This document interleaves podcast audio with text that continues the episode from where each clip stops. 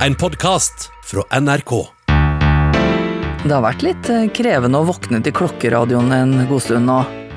Klokka er kvart over sju, og du kommer rett inn i en nyhetssending. De sier 790 døde i Belgia siste døgn, ikke nok respiratorer til folk i New York, sånne ting. Men her en morgen så skjedde det noe. Først oppfattet jeg bare ordet katt. Så skjønte jeg saken handlet om katteeiere som sa at kattene føler seg så stressa av at eieren deres er på hjemmekontor, og kattene får ikke sove om dagen sånn som de pleier. Når nyhetsfolk lager saker om stressa katter, da kan vi være sikre på at det er færre respiratorer i bruk. Så hurra for kattenyheter, vi vil ha mer av det.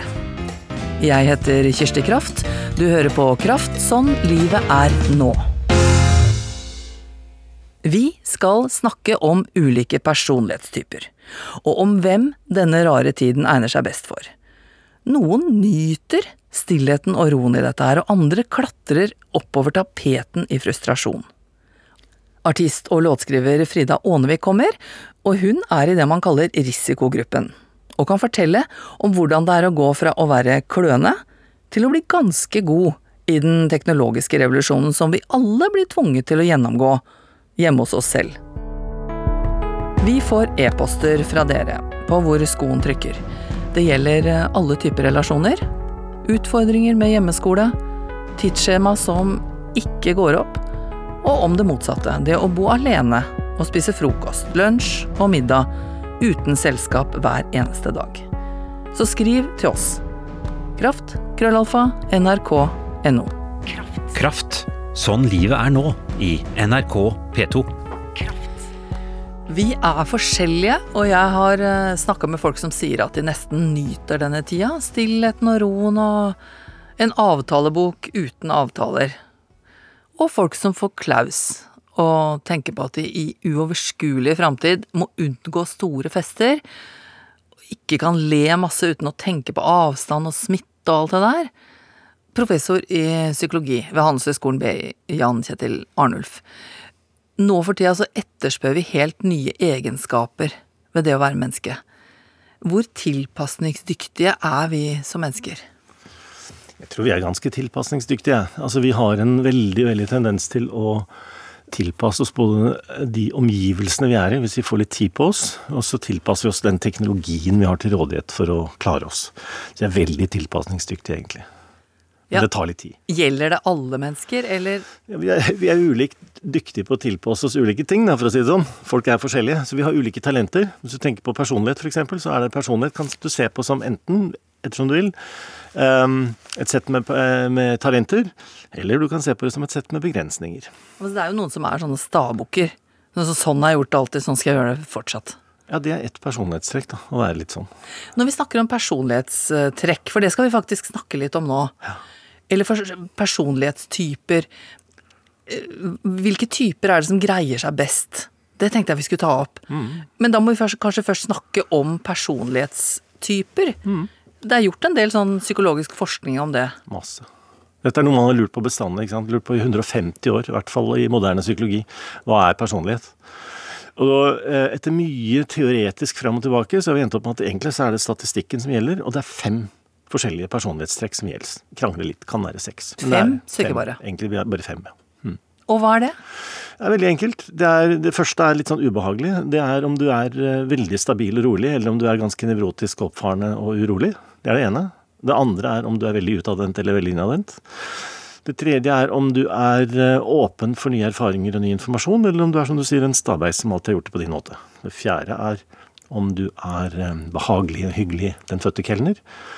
Eller om du er en ubehagelig person som går rundt og stikker fingeren i øyet på folk. Og det siste er om du har støv på hjernen, eller om du klarer deg godt i kaotiske omgivelser. Du, dette, dette er så mye forskjellig å forholde seg til. Nei, men det, er, det vil si at eh, alle personlighetstyper som vi veit om, kan forstås som en sammensetning av de fem. Den Men du, da, da må vi begynne på toppen. Altså, det første var om du er nevrotisk. Ja, altså, Nevrotisk er kanskje et litt sånt stygt ord, men det er det det kommer fra. Eh, som noen har forsøkt å kalle det stabilitet, da. Men det er litt dumt, det òg, for da blir du ustabil hvis du ikke er sånn. Men du kan si det er hvor lettskremt man er, på en måte. Hvor raskt man begynner å bekymre seg, ligge våken, uroe seg for ting. Altså det er sånn bekymringsgrad, egentlig. Ja, litt. Eller du, kan si eh, en annen måte å si det på er hvor lett vi lar oss rive med følelsesmessig. Men så er det sånn at hjernen prioriterer negativ informasjon. Så det blir veldig stor grad til hvor fort blir du bekymra. Og hvor mye som skal til for, at, for å rive deg ut av nattesøvnen. Så her er det sånn gradvis eh, fra null til ti, liksom. Ja. At du er, kan være helt på den ene sida, veldig bekymra og engstelig. ja. Og så kan du være helt eh, Hva er du i andre enden? Hva kaller vi det da? James Bond. Shaken, not stirred. Uansett hva som skjer med deg, så er du helt uforstyrret. Stoisk ro, er det ikke ja, noe som heter det? ja, ja, ja. Men det var nummer én, altså nevrotisisme, eller hva du kalte det. Og nummer to er var det? Nei, det er om du er veldig utadvendt. Altså om du har veldig sterkt behov for å være sammen med andre, snakke med andre, se andre, ikke sant? være med andre. Eller om du syns det er best for å være for deg selv alene. Og er det ikke noe der med at noen får energi av å være sammen med andre mennesker? Altså de spruter av entusiasme etter en fest. Det var Carl Gustav Jung som het det i gamle dager at det å være utadvendt var at du får energi av å snakke med andre, eller være sammen med andre. Mens eh, for de innadvendte så er det sånn at de bruker krefter på å være sammen med andre. Så de kan det, men de må hvile seg ut etterpå med å være aleine. Litt sånn tappa. En annen måte å si det på er at utadvendte mennesker de er nødt til å høre seg selv prate for å vite hva de tenker. Altså De vet ikke hva de tenker før de har sagt det til noen. For de har kanskje ikke tenkt det før de sier det? Nei, og så er det så vanskelig på en måte for dem å være i sine egne tanker. Det er ensomt og kjedelig, og da stopper det opp. Men hvis de er sammen med andre, så begynner de å si ting, og da skjønner de hva de tenker. Mens de innadvendte, da, de bare tenker og så sier ikke noe om det? De sitter og tenker og tenker og tenker og venter på en anledning til å få sagt det, mens de utadvendte babler om sitt. Og de innadvendte har ikke behov for å si det, da, eller? Ikke nødvendigvis. Så det bare 'Å ja, du har faktisk tenkt på dette et halvt års tid, ikke sagt det til meg'? Ja, ofte. Det er et problem i møter med ledere, da, det er der vi ofte bruker det. Sånn, ledere som møtes, da vil de utadvendte bruke opp all tida på lufta med å prate sammen. Det er jo ikke sikkert at de ideene som det prates om, er de beste. Mens det er andre som tenker, lurer på når de skal få komme til orde. For at de har tenkt ut og har svaret på dette her, men det er ingen som er interessert, tydeligvis, så da har ikke jeg tenkt å si det heller. Men hvem da, Altså, da får man ikke gjort noe heller hvis man ikke har sagt det til noen. Nei, men det er grenser. Poenget er at det er, det er grader av alt. Ja. Det er det som er ting. Så det er her også. Man er på midten, de fleste, og så er det, går det litt vinger i begge veier. Ja. Og nummer tre var Hva sa du? Nei, Det er egentlig i hvor stor grad du er interessert i ny informasjon og syns nye ting er spennende. Sånn reise nye steder, spise ny mat, prøve på nye ting. Eller om du egentlig syns det er fint at hvis eh, ingenting er ødelagt, så skal du ikke prøve å reparere det heller. Ikke fiks det. Da gjør du det du alltid har gjort. Og det er ikke noe vits å spise rå fisk for at mora mi sine kjøttkaker alltid har vært helt bra. Så hvorfor skal jeg liksom Jeg gidder ikke å spise sånne ting bare for at det er kult å gjøre det i en annen by ute i verden, liksom. Nå tenkte jeg bare på muggost. Jeg når du snakka om det. Alt det du sa nå, så tenkte jeg på muggost. Hvorfor det? Det skal jeg aldri begynne med. Nei, jeg vet ikke om det er et personlighetstrekk, men poenget er at hvis du har det sånn med veldig mye, så har du nok en tendens til å velge kjent, velkjente løsninger. Ja. Så, og så er du da I ene enden så er du veldig åpen, da. I den ene enden så er du fryktelig åpen, og allting er veldig spennende. ikke sant? Hele tida. Utrolig spennende. ikke sant? Og, det, og, helt nye ideer, og det er veldig spennende. Og de har sett det der programmet ikke sant? hvor de tok opp det der radioprogrammet til hun der Kraft, ikke sant? og hun har jo podkast. Men det er jo så ikke sant? Du bare fòrer på med masse ideer, og det er veldig spennende alt sammen. Og så har du de som tenker hvorfor skal jeg bry meg med alt dette? Jeg veit jo hvordan det funker. Jeg har jo ikke noe behov for å Ja, jeg har hørt at det fins en radio i en krok her. Altså, jeg holder på med mitt, jeg. ja, antagelig så har du fortsatt en FM-radio fra en eller annen gang i tida. Men, Men du, hvor langt har vi kommet nå, egentlig? Tre? ja, tre, ja. Ja, du, fire nå.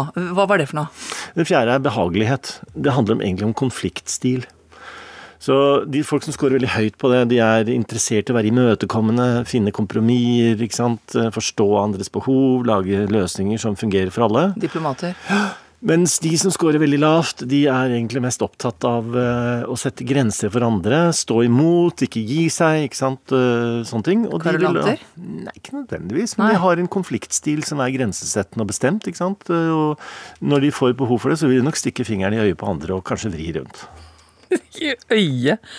Da er vi langt ut på den ene sida. Ja, vi er det, altså. Men det er for å, se, for å gjøre, sette Men der er det litt på behagelig, ubehagelig. ja, behagelig eller bestemt, da. Ja, akkurat. Og så femmeren, da. Det er å ha støv på hjernen. Altså det er eh, det, noe som heter samvittighetsfullhet. Altså samvittighetsfullhet er hvor ryddig, organisert eh, liksom Folk som scorer veldig høyt på det. De eh, rydder opp pulten før de går hjem på fredag. Mens de som scorer veldig lavt, de er veldig redde for at noen skal begynne å rydde opp på pulten deres, fordi da er hele det arkeologiske utgravningsprosjektet deres ødelagt. Men er det, er det rotete, ikke rotete, pertentlig, ikke pertentlig, liksom? Ja, egentlig. Det er en veldig enkel måte å si det på, men det er litt sånn. Det er litt sånn. Og de som scorer veldig høyt på dette, her, de kan få litt sånn støv på hjernen. De som scorer veldig lavt, de sier om seg selv at de liker å være fleksible og trenger ikke så mye systemer, kan ta ting litt på spark og sånn. Um, så de er veldig flinke i krisesituasjoner, og så er de kanskje ikke så um, raskt ute med å fortelle at de selv har utløst mange av de krisene, fordi de er veldig uordentlige i det de gjør. Så, Men du, da kommer vi tilbake til det. Altså, her er det jo en masse forskjellige personlighetstrekk du har ramsa opp nå. Så er vi i den tida vi er. Hvilke personlighetstrekk er mest gunstig å ha nå? Det, hvis jeg skal svare veldig seriøst på det, så er det kanskje ikke så lett å si. Vi kan fleipe litt med det, men, men det enkleste å si er at det å tilpasse seg den situasjonen vi er i nå, den, vil, den tilpasningen vil være forskjellig avhengig av hva slags personlighet du har. Fordi at personligheten din er også noen verdivalg. Sånn at For å ta det med utadvendthet og innadvendthet først, så er det sånn at for mange mennesker nå, så er det å få lov å være innadvendt og holde seg innadvendt og sånn, det er en fin tilpasning. Det går helt greit, ikke sant. Mens utadvendte mennesker, de trenger en balkongfest og, og får slektningene på sånn der løftekran og ikke sant. Altså de trenger å gjøre ting da, for å få eh, ikke sant, følelsen av at de er i kontakt med andre. Men jeg vil jo tro at det å være innadvendt nå er grann lettere. Det er mye lettere å være innadvendt nå. Det er klart det er det. Men ellers i samfunnet så er det motsatt. Da er det kanskje utadvendt som er lettest. Ja, kanskje i noen grad. Og så har eh, vi eh, adoptert en amerikansk verdi som handler om at vi dyrker det utadvendte som en form for sosial suksess. Men det varierer litt fra bransje til bransje. Så eh, noen ganger så er det veldig fint å være innadvendt. ikke sant? Noen steder er det veldig bra. Og noen tider, og det er kanskje nå. Men de andre tingene, Mm. Altså på nevrotisisme for eksempel, nummer én. Akkurat nå så lønner det seg, tror jeg, da, å være litt redd. Fordi at det å være modig, som er liksom det å stå fram og være modig, det er jo fint hvis du kan skremme noen. ikke sant? Hvis du kan stå fram og være litt barsk og litt modig og skremme folk på avstand. Men altså, viruset er ikke så lettskremt. Eller det bryr seg ikke så veldig om du er modig eller ikke. Nytter ikke å skyte den der, liksom. Nei. Så uh, du kan si at det fins noen faresituasjoner her i verden hvor det er lurt, sikkert, å være litt redd. Så man kan jo tenke seg at folk som engster seg litt nå, de har det ubehagelig, men de passer seg kanskje, da. Ja. Ja, så det å gå i byen nå, Mm. eller i og for seg, altså hvor som helst egentlig, på et kjøpesenter, så er det redselen som gjør at du tar den lille svingen rundt. Ja, hvis du er litt redd, så klart det. Hvis du er litt redd og unngår litt mer enn andre, så vil jo den som unngår mer, være mindre utsatt. Det er enkelt. Ja, og den som ikke er redd, den har liksom problemer med å huske på at den skal gå rundt. Hvorfor skal jeg bekymre meg, ikke sant? Ja. Og du kan godt si det at i noen av disse ulike personlighetstrekkene, de er nok, de varierer nok fordi at mennesket skal være tilpasningsdyktig til ulike situasjoner. Men det er mange slags typer situasjoner vi skal tilpasse oss til. Så i øyeblikket så kan vi jo nok tenke oss at kanskje ikke tiden er inne for å være så kjempemodig, da. Ja. Så, så, det er jo litt hurra for uh, nevrotikerne, dette her, Ja, egentlig. det er nok nevrotikernes time slår nå. Det er veldig bra. Introvert og nevrotisk. Altså, Ja. nå tar vi det litt grovt, da. Men de, grovt, de andre Ja. eh, Den som klarer toeren. seg selv og er bekymra, har foreløpig en, en god sak. ikke sant? Så har du toeren, og da har du et uttrykk da, som er at nysgjerrighet eh, drepte katta. Sånn at du kan si at de som da går faste, opptrukne stier og liksom driver og har sin løsning, ikke varierer for mye. ikke sant? Nei, jeg leste den andre, vet du, det spiller jo ikke noen rolle. ikke sant? Og sjansen for å bli sjuk er jo mindre enn den. ikke sant? Og leser de det ene, leser det andre, ikke sant? og varierer strategien og tilnærminga si. Det er kanskje ikke tida nå å gjøre det. Så det er fastlagte, nevrotiske, innadvendte. Har vi kommet til nå? Nå har vi kommet til at det er de rigide, innadvendte nevrotikernes eh, dag. Blir bedre og bedre. Ja. Fireren, da? Hva var det? det er det er ubehagelig eller ubehagelig. Sånn at de behagelige folka de vil jo da gjerne stille opp for andre. De går og handler for dem og Å ja, det er de snille. Ja, det er de snille, ikke sant. Så de snille de går ut, og så er de, de er altruistiske. De går ut og handler og, og stiller opp for alle de som har det fælt og vanskelig. da. Og så Ikke sant. Og det Og de andre, det er det ubehagelige. Det er, De- hva gjør de nå? Nei, de holder seg hjemme og sørger for seg selv. Jeg kan jo ikke bekymre meg for at du bekymrer deg. Så det Det, er det litt de egoistiske, på en måte? Eller i hvert fall, De lar seg ikke veldig lett eh, mobilisere av at andre har det fælt. Så det, er liksom, det får bli ditt problem. Og nå venter jeg liksom på at du skal si at den gruppa er også den beste nå.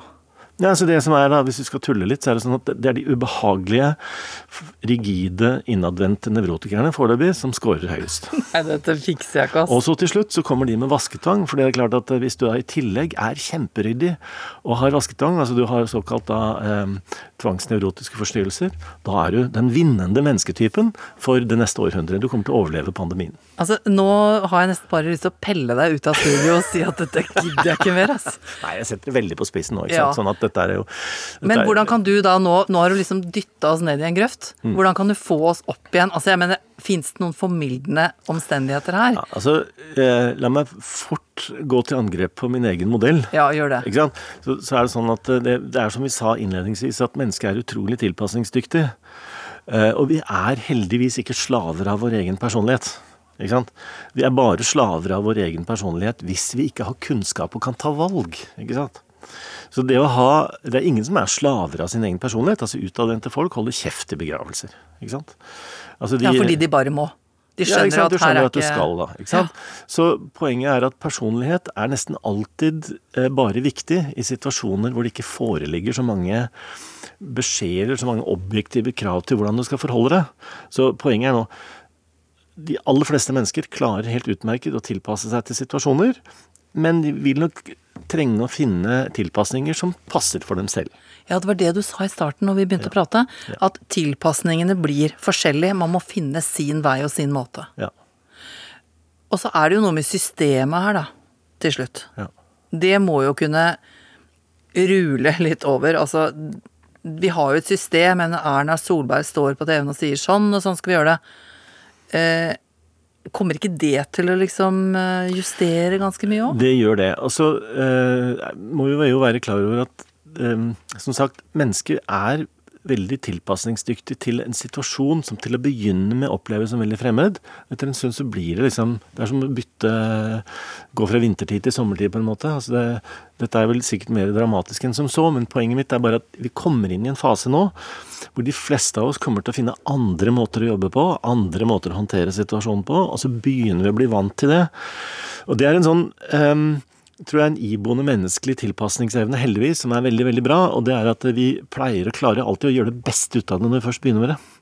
Og det, det tror jeg vi allerede har begynt å se eksempler på. Vi, eh, jeg jobber jo med mennesker som skal ha andre mennesker inn f.eks. på skole og i andre sammenhenger.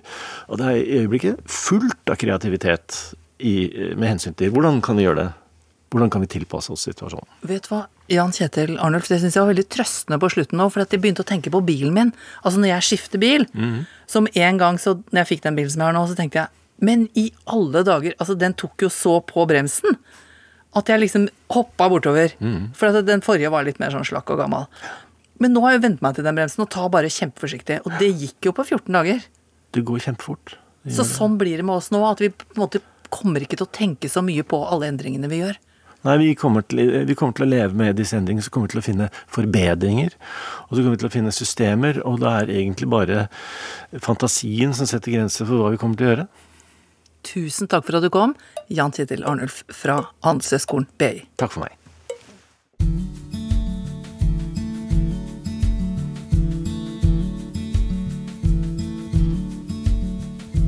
Gå mot det lyset som flammer i nord. Gå til det landet der trollene bor. Der hvor alle er venn med vinteren. Gå mot en fremtid du vet du kan få. Gå mot en himmel som drømmen kan nå. Gå den bratteste vei.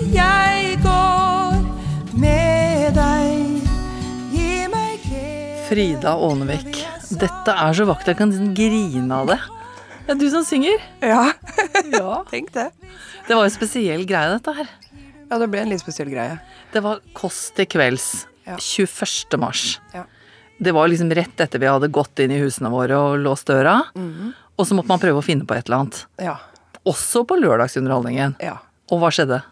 Nei, jeg skulle jo jeg hadde gleda meg veldig til å være gjest hos uh, Unge lovende Kåss. Uh, skulle dit på opptak. Uh, I løpet av noen dager der liksom, når liksom, ting skrudde seg til, reglene ble tydeligere, så ble det jo klart at jeg skulle jo ikke det. Jeg kunne jo ikke det. Da tenkte du nå, nå er det avlyst. Ja, nå er det avlyst. Og så slo det meg sånn Er det nå Er det nå han skal gjøre av seilen lyse? Bare, bare gjør det, på en måte. Og så var det full pakke med masse mennesker som sang litt hver. Ja. Det var jo, ble jo kjempefint. Det ble jo en liten nasjonal opplevelse, Ja, ja. alle fikk det med seg. Men eh, det var ikke så innmari enkelt for deg, fordi at du er i utgangspunktet litt klønete når det gjelder sånne teknologiske ting, og plutselig så satt du i stua du skulle være din egen tekniker og fikse dette her. Ja, altså Problemet mitt er jo ikke at jeg nødvendigvis er klønete. Problemet mitt er at jeg setter opp en del veisperringer. Det var kanskje litt frekt å si Ja, det er litt frekt å si klønete, faktisk. Nei, det er ikke noe mulig å snøvle. Men det er, nei, men det er ikke frekt, men det er det at jeg framstår mer klønete enn jeg nødvendigvis er. At jeg skjønner jo på en måte hva jeg må gjøre, men jeg bare setter opp mentale veisperringer eh, som sier at dette får ikke du til. Og så var det òg det at jeg var hjemme og liksom Ok, hva har jeg her?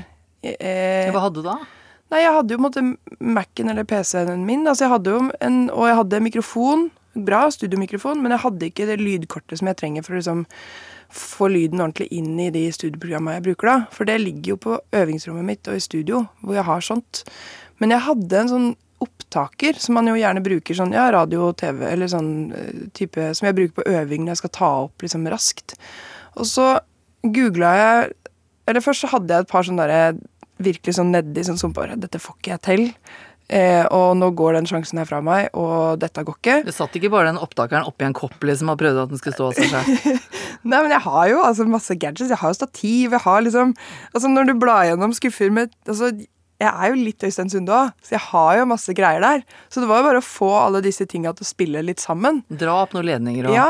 Eh, så det er jo sånn Altså hva, man, hva jeg har lært. Var du litt sjokka sjøl på at det liksom, dette ble bra, liksom? Jeg fikk det til sjøl? Altså Det var mestringsfølelse på linje med en fjerdeklassing, tror jeg, på, som akkurat har liksom knekt en eller annen eh, språkkode. Ja, det, det, altså, for det var ikke mulig å høre at dette var noe sånn hjemmesnekra.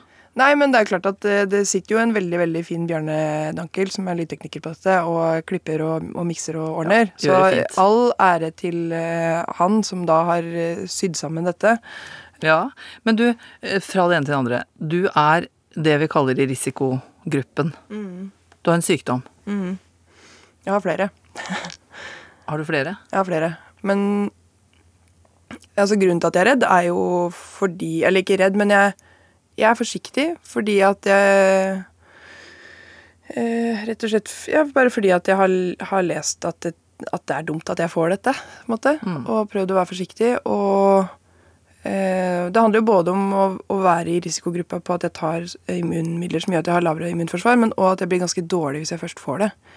Og nettopp det å få en infeksjon eller få en sånn type virus er jo hvert fall sånn som jeg har erfart noe av det som er hardest for kroppen, og det sitter så innmari lenge i, da. Så det er liksom en sånn Det er, det er greit å unngå det eh, i det lengste. Og derfor så har jeg rett og slett sneket deg inn bak trappa på NRK i dag. Ja. takk Liksom ved rampa. Ja. Og så har vi omtrent sprita veien din inn her. ja. Eh, takk for det. Ja. Ja. Så vi er veldig trygge nå. Jeg føler meg veldig trygg, og jeg har jo på en måte Det er jo noe med egen disiplin òg, eller som jeg føler på først og fremst. da. Det er jeg som må være forsiktig. Jeg må ta forholdsregler, og samtidig så må jeg beholde roen og ikke, ikke hause meg opp og bli redd. Nei, men jeg tenker det Du er jo ute om dagen. Altså, du sykler litt og holder på. Ja. Og så sa du til meg i stad at eh, det var jo kjempefint vær nå tidligere i uka, og jeg var på Vervenbukta. Og da sier jeg Vervenbukta er jo en veldig populær strand eh, i Oslo. Turte du det?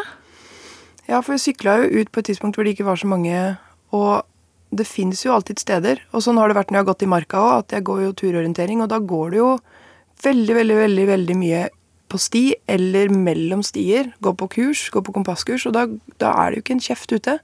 Så det er på en måte liksom det å være disiplinert og forsiktig på veien opp og ned, eh, og så holde seg for seg sjøl der man er, eh, så går det jo fint. Møter du venner?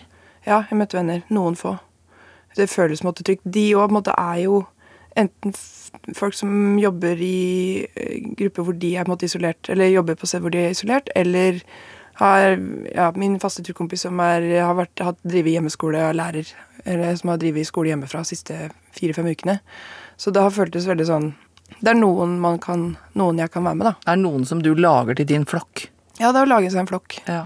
Men jeg tenker på Det kan jo være sånn, altså det har jo vært så utrolig fint vær på Østlandet. Så kan man på en måte glemme det litt og tenke at Nei, det er jo bare rett og slett våren og fint vær, og alt annet er ikke så viktig. Og da kan det være vanskelig å holde to meter, og er det litt sånn at du respekterer folk rundt deg at du må holde den tometeren, eller er det sånn at du så sneier dem litt innom, og så får du en halvveis klem? Nei, det er jo det at Nei, nei folk respekterer jo det, men de jeg kjenner. Men det, men det er det jeg mener med å være disiplinert sjøl. At det liksom Ok, å se Det er som å se trafikkbildet, på en måte. At eh, ok, den personen der, den er, er ikke så opptatt av å holde avstand, eller der er det jeg som er utenom, eller Og da gjør jeg det, på en måte. Og så tenker jeg ikke så mye mer over det, men at jeg er mye mer våken. Så det å være ute er jo en mer sånn krevende øvelse fordi jeg skal jo ned og hente noe etterpå, eksempel, og det er sånn, da må jeg tenke nøye gjennom åssen jeg gjør det, føler jeg. At, jeg. at jeg bare er liksom fokusert og ikke ja, prøver ikke sneie bortom. Så du har, du har fått en sånn ekstra sans, liksom, som du bruker ute? Ja, det føles litt sånn. At, eh, at jeg er mye mer sånn eh, Ja, det mye mer våken. Jeg blir veldig sliten når jeg kommer inn igjen, for det er sånn Jeg skulle til å si det. Men det er jo òg noe med at man er helt sånn underernært på folk, da. At eh, det å plutselig være ute og se liksom flere enn fem-seks stykker på en gang, er helt sånn er dette? Er dette verden? Um, Ja, men du mener positivt altså? ja, positivt, men også at det er liksom At hjernen bare går i litt sånn shutdown. og at, eh, at det er litt sånn jeg, mist, jeg føler at jeg mister sosial kapasitet. Ja, fordi altså, når du ser noen, så er det akkurat som det blir sånn eh, Du er ikke vant til folk, sånn at du liksom eh, Det gjør så innmari sterkt inntrykk. Ja, jeg føler meg som en golden retriever, rett og slett. Det ser folk. En litt sånn ivrig, ung golden retriever. Ja, og så må den halen som gjerne vil bort og hilse. måte. Men må stå. Men må holde meg på avstand. Og da har du Du er i bånd, da, ikke sant? Ja, og jeg er det i bånd. båndet er deg sjæl. ja, båndet er meg sjæl. Ja, og det er den ekstra sansen som du må ha da. Ja, jeg tror det. At det den eh, Ja, det er den sansen. Men det er jo, det er jo fra å måte ikke ha vært ute i det hele tatt, nesten, til at de siste ukene så har jeg måte også vært ute midt på dagen hvis jeg har sykla. Fordi da liksom Da føler jeg meg trygg. Da er jeg nesten bilist. Eller da sykler jeg på steder hvor ikke er folk, eller ja. Så den dagen, Varundbukta-ish, det var liksom Da hadde du bare kjempekoselig, nesten glemte alt, da. Ja. Og da Ja, jeg hadde det veldig koselig. Fikk skyldfølelse etterpå og tenkte sånn Nå er du blitt sjuk. Nå, går det, nå går det ned. Det er nå fikk du det, for nå hadde du det altfor ålreit. Det kjenner jeg igjen, den følelsen der. Ja, og sånn hadde jeg det òg etter at jeg har ligget gått tur i Østmarka. Først fire timer med postjakt, og så to timer i hengekøye. Da og etterpå akutt skyldfølelse. Nå blir du dårlig. Ja, fordi du hadde hatt det så koselig. Ja. Det kjenner jeg igjen, for det, der, altså det, det roter seg til i hjernen. Ja. For når noe begynner å ligne liksom sånn som jeg hadde det før og var helt uten problemer og bare koste meg, liksom. Mm. Så plutselig tenker oi nei, nå var jeg tilbake der og hadde det koselig. Ja. Så kan du få skyldfølelse, ja. Dette kan umulig være sunt. Dette er bra, dette er ikke bra, dette er smittsomt, og Der dette gikk er jeg rett på. Ja. Der røyk det. Røyk det. Er ikke det altså, Det surrer seg sammen opp hjernen. Ja, det gjør det, men det Altså, det, ja, men det er det. Det surrer seg sammen. Det føles som masse sånne dragetråder eller sånne der, eh, fiskesnører som bare blir en sånn floke. Men vi må lære oss det der, hva er liksom lovlig gøy, og hva er ulovlig gøy, og Ja. hvordan skal jeg klare å føle det forskjellig. Ja, for jeg har jo hatt det veldig veldig koselig når jeg har snakka med venner på, eh, på chat og på Messenger og sånn. Og det òg, da har jeg tenkt sånn etterpå også nå Dette var altfor koselig. Og, men mm, går det an å ha det så koselig og så trygt samtidig? Det, er jo, det går nesten ikke an. Men da har du liksom det der greiene med at ja, ja, smitten kommer jo ikke gjennom skjermen, Nei, det liksom. skal litt så koselig var det ikke. Nei, men rart vi bare surrer med det der, altså. Men vi har jo akkurat snakka om det med personligheter nå. Hvem som takler dette her best og sånn. Ja. For vi er jo veldig forskjellige som typer. Hva slags type er du? Er du, er du sånn som på en måte er litt introvert, så det er greit å være i store posisjoner aleine? Jeg er introvert. Jeg kan være lenge aleine. Men jeg begynner å snakke med meg sjøl på dag to, eh, stort sett. Så jeg er, jeg er introvert. Eh, jeg liker folk, og, og er på en måte Jeg er vel, en sånn, jeg er vel den kombinasjonen. Eh, jeg, jeg liker folk, men ikke så mange av gangen. Jeg vil helst stå på kjøkkenet på fest, på en måte. Eh, så jeg kan godt snakke med, vil gjerne snakke med folk, men, men i, i oppdelte porsjoner. Få si. Så Du jeg er ikke liksom noe sånn skapt for denne tida, du da, egentlig. Ja, jeg er det. Aldri over fem, liksom. Aldri over fem, og jeg elsker rutiner. Det har jo jeg veldig sjelden, fordi at jeg I mitt vanlige liv så er jo hver dag helt ulik. Eller sånn, det er én dag i uka som er noenlunde lik. Og så er det Og så drar jeg hvert hver dag er det nye steder å spille eller et nytt sted å møte noen eller Altså det er aldri arbeidssted på samme sted og de samme kollegene og samme kaffemaskina, liksom. Så for meg så er det, som elsker rutiner, så er jo det her helt fantastisk. Men det er det jo ikke lov å si. Jo, det er lov, det. Det er lov. For når du sier samtidig at du er som du er, altså vi er forskjellige. Ja, vi er forskjellige. Noen nyter nesten dette, som sagt. Men eh, hva er de rutinene? Er det liksom sånne Ja, men du begynner klok klokka ni, da, eller? Ja, jeg tusler meg i hvert fall opp sånn at jeg er i gang, ja. Klokka åtte-ni. Eh, og da er det å skrive dagens liste og dagens plan og slå opp i boka og se om Det er jo noen møter, og kanskje det er noe undervisning, og det er liksom Jeg har jo noen sånne ting som jeg nå plotter inn, og det er jo veldig deilig, fordi at det, da er det noe hver dag. Eller prøve å liksom I dag har jeg hatt en undervisningstime, det skal jeg ha i morgen, og så er det helg. Og så begynner jeg på en ny, ny runde på mandag igjen. Da er det undervisning, fordi jeg underviser litt på videregående. Så da skal jeg ha elevene mine til fast. Da følger vi fast timeplan. Eh, Ja, så du er litt lærer også? jeg er litt lærer òg. Og det har jo vært en sånn holdepunkt i den tida her som har vært veldig kjærkomment. Eh, Sangundervisning, de- er det det? Sangundervisning over nett. Det er ikke lett. Hæ? Det er moro. Veldig rart. I starten så var jeg veldig sånn at jeg ikke skulle plage naboene mine så mye, men nå må jeg innrømme at jeg har begynt å Jo, jeg Men det er noe med den derre Det å rope seg opp og det å måte, bruke mye volum, det får jeg på en måte ikke gjort så mye. Men, men med undervisning på videregående nå, så er jo det er- handler jo ikke så mye om sangteknikk og synge. Det handler jo om den overordna delen av læreplanen. Det handler jo om, om å snakke med dem og koble seg på og se dem og spørre åssen det går. Og være den voksenpersonen for dem som jeg er til vanlig. Jeg er jo en, en voksenperson som de møter en gang i uka. Eh, og opprettholde den rutinen og opprettholde den vanen. da. Og samtidig gjøre liksom, de tinga vi pleier å gjøre på sangtime. Sånn at noe er vanlig. Noe er normalt. Men når du slår av Teamsen da, og det blir stille, så bor du alene. Mm. Det er helt stille i huset ditt. Hvordan takler du det? Sånn passe. Hva mener du? Nei, jeg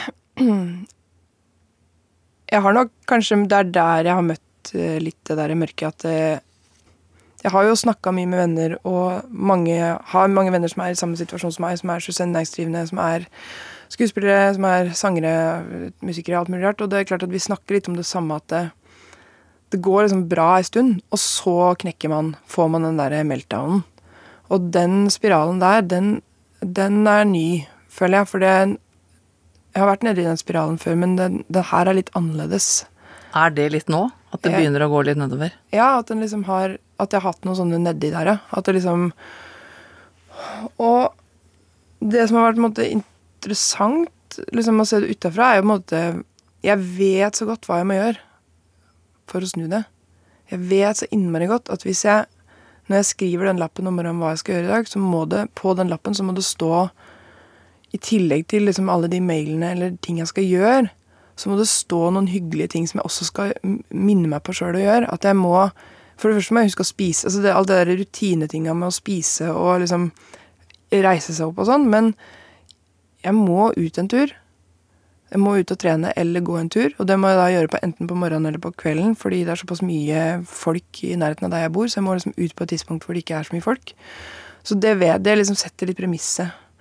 Og så bør jeg gjøre noe praktisk.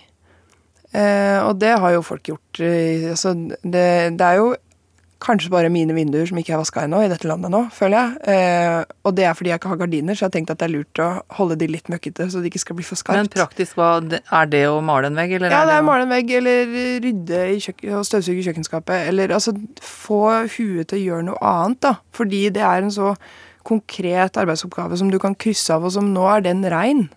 Så dette gjør du for at du ikke skal gå nedover og nedover i spiralen? Det, ja, dette gjør, jeg, dette gjør jeg for å hindre meg Og det å det er liksom det å vite det, og når jeg da havna nedi spiralen et par ganger, så, har jeg, så, er det, så vet jeg at det er fordi jeg ikke har gjort de Nå har jeg ikke vært Og det igjen, da. Nå har jeg ikke vært flink til å gjøre de tinga. Um, uh, men det handler jo om det. Det handler jo om å gjøre det hun trenger. Og, og vise omsorg for seg sjøl eh, i den situasjonen, da. Og også at jeg liksom har måttet si helt sånn konkret Nå er du på vei ned dit, og det, de, de der er det ikke noe ålreit å være. Så nå, så nå, skal vi opp igjen. Nå skal du løse den tekniske floka, eller nå skal du finne ut av det greiene der. Um, Vet du hva jeg tenker? Nå skal jeg og meg oppover igjen. ja. Altså, ikke sant? Det er både du som er nede i Me, grøfta, og så er det du I. som Ja. passer på deg sjæl til å komme opp igjen. ja. Så, Så jo, du må være begge man må jo være begge. Man Ja. må være alle, for man må ha det overblikket og skjønne at man er nedi der. Eh, og det tror jeg vi kjenner Vi kjenner jo på det, liksom. mm. Vet du hva jeg tenker, Frida? Alt det du sier nå, det kjenner vi igjen alle sammen. Ja. Og det er egentlig bare én ting å si, og det er hold fast i deg sjøl, Mm. og hold ut. For det går over. Og vask kjøleskapet. Finn på noe! Finn på Lag noe. noe moro ut av livet ditt. bare gjør et eller annet. La, vi har filmklubb, vi har filmklubb i gjengen hver tirsdag. Det holder, altså Jeg har undervisning på mandager, filmklubb på tirsdager. Ja. Og da er uka i gang. Hold fast. Det er det du gjør. Ja. Du holder deg fast jeg holder meg fast, og så starter jeg hver uke med blanke ark og fargestifter til. Og med like friskt mot, skriver like lange lister. Tror at jeg skal få det til. Går på snørra onsdag morgen hver uke.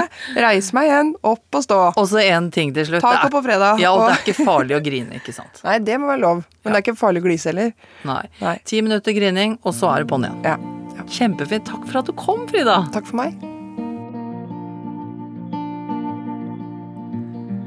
Du trenger ikke meg når vi går et sted, så kunne du like gjerne gått dit alene.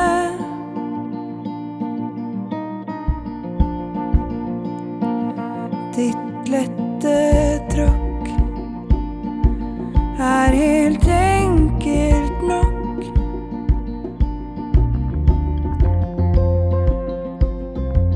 Det er det som gjør at jeg vil gå ved sida av deg. Ved sida av deg. Ved sida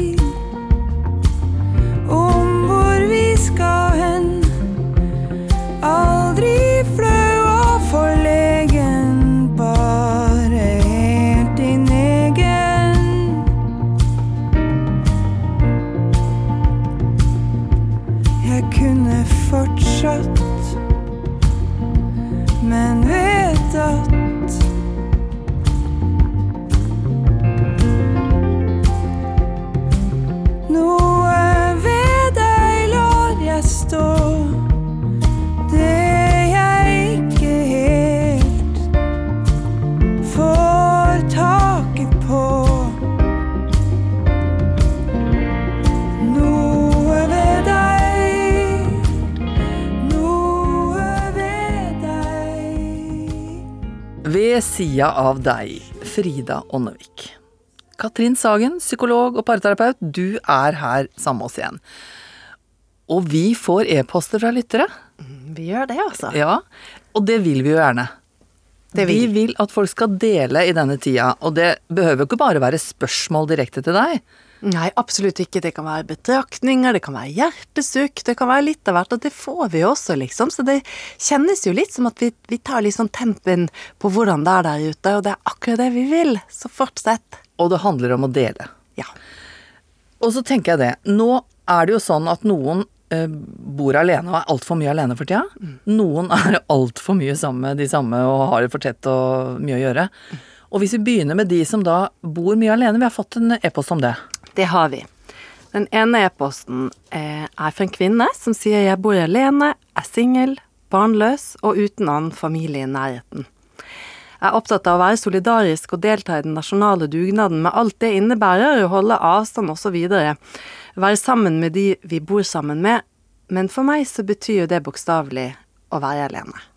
Ja.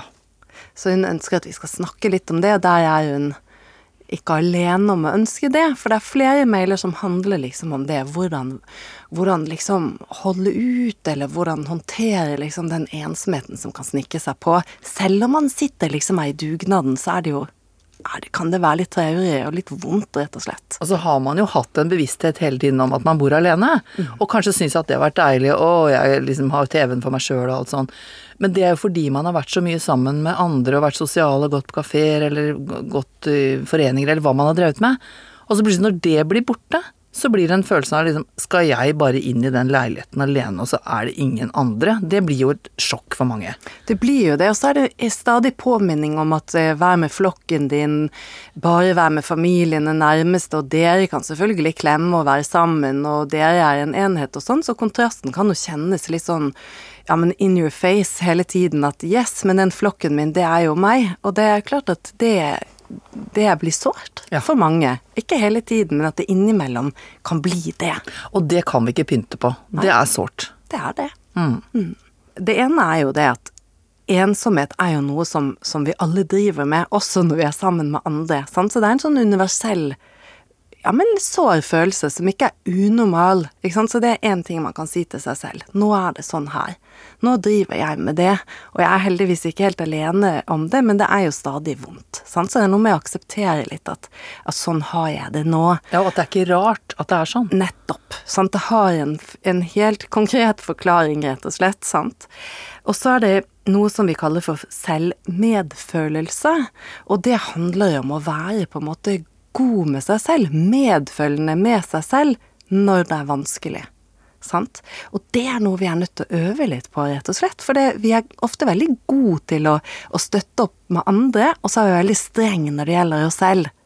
Jeg burde ikke føle det sånn.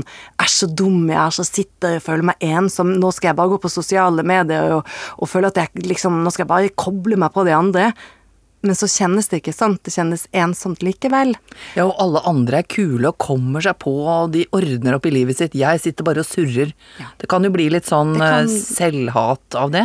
Helt klart. Det er sånn selvkritiker som liksom maser på liksom hvor udugelig jeg er, ikke sant. Så å prøve liksom å få tak i den og si jaha, sånn har jeg det nå. Nå er det litt sånn, rett og slett. Eller nå er det masse sånn. Det er en stor hjelp i det. Og, og på en måte ikke prøve å dytte vekk. For hvis vi sier sånn, ikke tenk på en rosa elefant, ikke tenk på en rosa elefant, da lover jeg at du begynner å tenke på en rosa elefant. Så hvis man sier til seg selv 'ikke tenk på at jeg har det kjipt', ikke tenk at jeg har det kjipt, så kjenner vi hele tiden at vi har det kjipt. Og det som er den gode nyheten nå, er at neste program, neste lørdag, så skal vi snakke mer om nettopp selvmedfølelse, så da blir det mye om det.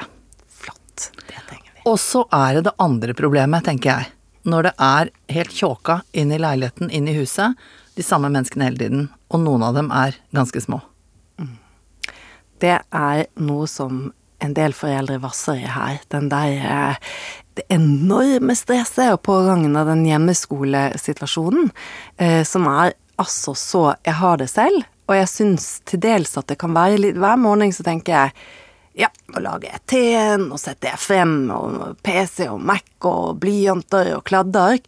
Så går det fem minutter inn i dette her, og så koker det i mitt topplokk. Og da skal jeg være den voksne rolige som både liksom er mammaen, rektoren, læreren, og det er ganske krevende, rett og slett. Og så tenker jeg på en annen ting, når man da spør, går kanskje i fjerde klasse, så spør man du, nå husker ikke jeg man har, hvordan matte man har da, men altså spør du, den ligningen her, hvordan gjør jeg den? Og da bare kan man jo få helt hetta og tenker at det er 100 år siden jeg gikk på skolen. Det skal jeg love deg. Og sånn, er lagmannsretten eller tingmannsretten først? Hva, kommer, hva er høyesterettsdommen? Er det jury der? Um, skal vi se. Og så er det da en litt sånn vet du ikke det? Eh, mamma? Og det vet du jo ikke. Nei. Og du orker nesten ikke tenke på det. Nei. For det er kanskje noen andre unger òg. Nettopp. Så det å sjonglere det der stresset som kommer inn i deg da, er ganske Eller er veldig krevende. Sant? Og så er du kanskje vanskelig, eller du har kanskje et annet spor inni deg som handler om at du er permittert i jobb, kanskje, eller at du eh, eh, er selvstendig næringsdrivende, men har ikke noe inntekt, for det er ikke, noe, det er ikke mulighet for å jobbe på den måten du gjør. Så har du det stresset samtidig, kanskje en syk mamma eller pappa. Ikke sant? Så det er, ikke, det, er ganske, det er ganske mange oppgaver, og så skal vi i tillegg lære oss masse nye sosiale plattformer, digitale plattformer osv. Så, videre, så når det der mamma, pappa, pappa, pappa, mamma, mamma kommer, da Det eneste jeg kan si er prøv å puste. Prøv å si til deg selv at det er vanskelig. Sånn er det nå. Sånn skal det ikke bli for alltid, men sånn er det nå. Kanskje kommer vi ikke gjennom alle oppgavene engang. Kanskje må jeg fyre på noe.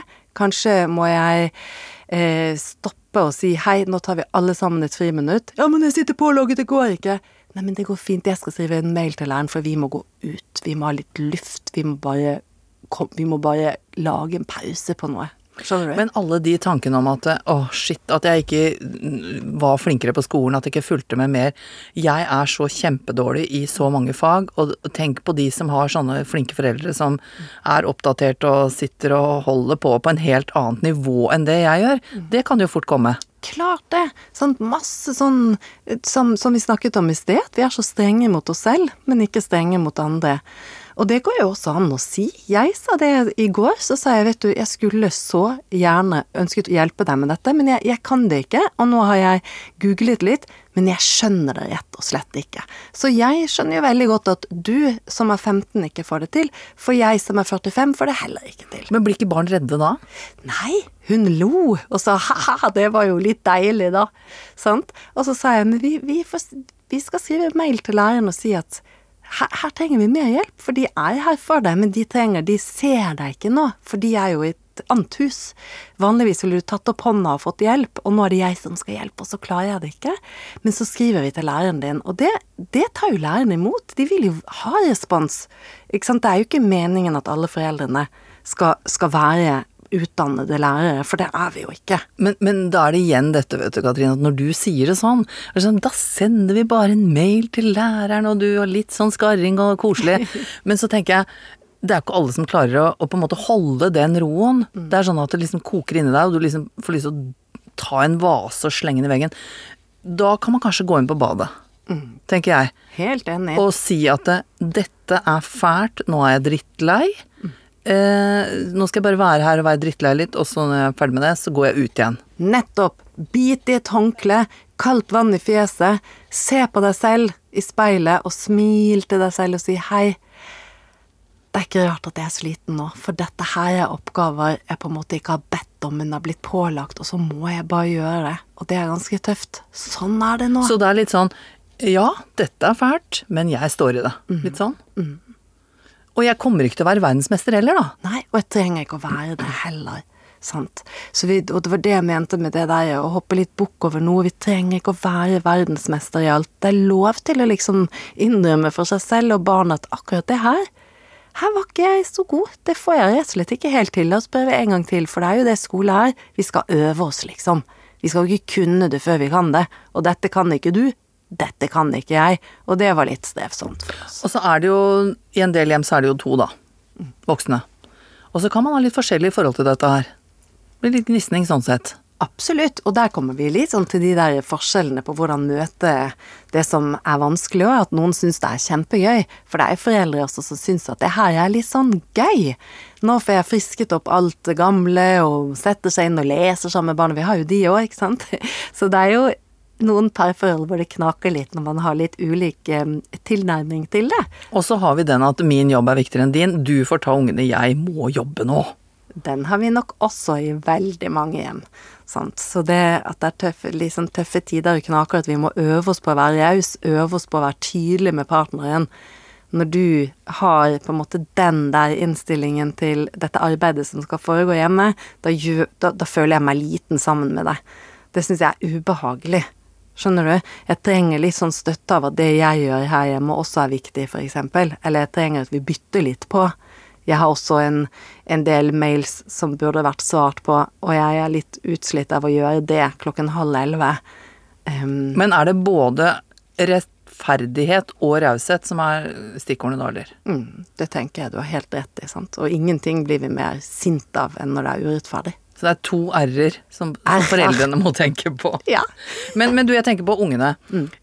Så sier man 'nei, gutten min, dette her er kjempevanskelig', og så blir ungen frustrert og skriker 'du er helt Du er den verste mora jeg kunne fått', og du 'skal jeg sitte her og alt Du skjønner hva jeg mener? Nettopp, og der går du rett inn i et av brevene vi har fått. Hva skal jeg gjøre? Barnet mitt er så sint på meg hele tiden, og jeg koker innvendig. Jeg klarer ikke å møte barnet mitt eh, i frustrasjonen nå. Så det er en som skriver ganske langt om det der, hvor mange liksom ganske triste sånne hverdagshendelser, men det er likevel den der følelsen av å være en forelder som ikke får til, for jeg ser at barnet mitt er lei seg og sint samtidig, og så blir det liksom bare krangel, for vi, vi kommer liksom ikke inn i den der gode stemningen igjen, og hva skal jeg gjøre? Ja, skal man si da 'nei, men gutten min, du er jo Dette er vanskelig, men tenk så moro vi hadde det i går og spilte fotball'. Skal man gjøre sånn, liksom, eller? Det er veldig lett å falle i det, i hvert fall, sant? Jeg er verdens dårligste i matte. Hva svarer du da? Nei da, det er du ikke. Kanskje han er det, vet du. Det kan være. Men idet vi liksom allikevel svarer nei da, hva skjer? Barnet sier du forstår ingenting. Ja. Og det er ikke så hyggelig å si heller ja, du er den dårligste i matte, du suger i matte. Det er jo heller ikke noe koselig. Barnet sitter ikke med noe god følelse da. Hvorfor vi går inn og sier nei da, du er flink, husk at du er flink i, i norsk, eller husk at du eh, fikk til all matten i går, eller vi begynner liksom å skal løse eller ta vekk det vonde, ikke sant. Det, det, det heter noe, det er et begrep som heter positiv invalidering. Vi ugyldiggjør følelsen til den andre ved å peke på noe som er positivt. Og hva skal vi da gjøre? Mm, vi skal prøve å være sammen med barnet det som er vanskelig. For ellers så sitter barnet med en følelse av å føle feil, eh, og begynner å skamme seg på en måte for, fordi jeg burde ikke ha følt det sånn. Jeg ser på mamma eller pappa at det var dumt å føle det sånn. Samtidig så er jeg jo lei meg, for jeg får ikke til matten. Jeg føler meg dårlig. Eh, men da må jeg late som jeg ikke gjør det, så får man verken hjelp eller liksom på en måte bli møtt i det, hvordan man har det. Sant? Så det er å tørre å nettopp være den forelderen som sier eksempel æsj, det er så vondt å ikke få til. Og nå sitter du der, og så ser du at de andre er raskere å svare enn deg, og det er ikke rart at det er ubehagelig. Så det er å si ja til den følelsen. Yes, vi skal anerkjenne og gyldiggjøre følelsen, sant? Og så skal vi på en måte se Vi kjenner jo barnet vårt, og det kan jo være at vi kan si noe sånn Og du som har jobbet så hardt med dette, og så ble det bare masse feil. Det er klart du blir lei deg da, og det er så viktig for deg er liksom få til, det er klart det. Og da vil du se at barnet selv liksom reiser seg litt opp i det og kanskje begynner å løse seg. Ja, men vi kan jo prøve en gang til. Eller vi kan jo, vi kan jo bare øve litt mer. Eller ja ja, så er jeg litt dårlig her, men jeg er god i noe annet. Og det er dit vi vil. Så det betyr egentlig at det, i alle de tingene vi har snakket om nå, egentlig, så er det å anerkjenne at den følelsen vi har, er sann. Ja, jeg føler meg aleine. Fordi det er ikke noen folk her, og det er jo grunner til det. Ja, det er vanskelig å være par. Jeg går inn på badet og skriker. Ja, jeg, jeg føler meg dårlig i matte, og mamma skjønner det. Men vi kan stå sammen om det. Så det er liksom å anerkjenne. Yes. Ja, og det er det vi har snakket om nå. Ja, det er det. Og da må vi si at vi vil gjerne ha kontakt med dere. Betraktninger, spørsmål, hva dere tenker på for tida. E-postadressen vår er Kraft, krøllalfa, nrk.no. ja, kraft, krøllalfa, nrk.no. Har du tenkt på hvor fint det er med alt som er som det pleier? Smøret smelter i panna. Speilegget stekes på begge sider. Gresset begynner å vokse i hagen, og gressklipperen står i boden. Tror jeg. Blåmeiser høres ut som blåmeiser pleier. Jeg elsker alt som er som det pleier. Og jeg samler det sammen og putter det inni hjertet mitt, på alle de faste plassene. Produsent for denne sendinga har vært Ida Skeie.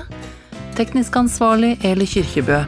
Jeg heter Kirsti Kraft, og vi er tilbake neste lørdag.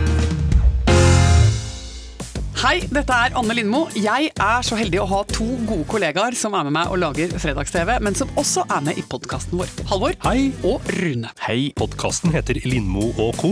Der tar vi opp ting som det ikke går an å snakke om andre steder. Som at det går gærent når Anne skal Nei, ta ikke det. Eller den gangen du skulle ut på det der. Nei, nei, nei. Vi tar det i podden. Du kan laste ned Lindmo og co. og andre podkaster i appen NRK Radio. Vi høres.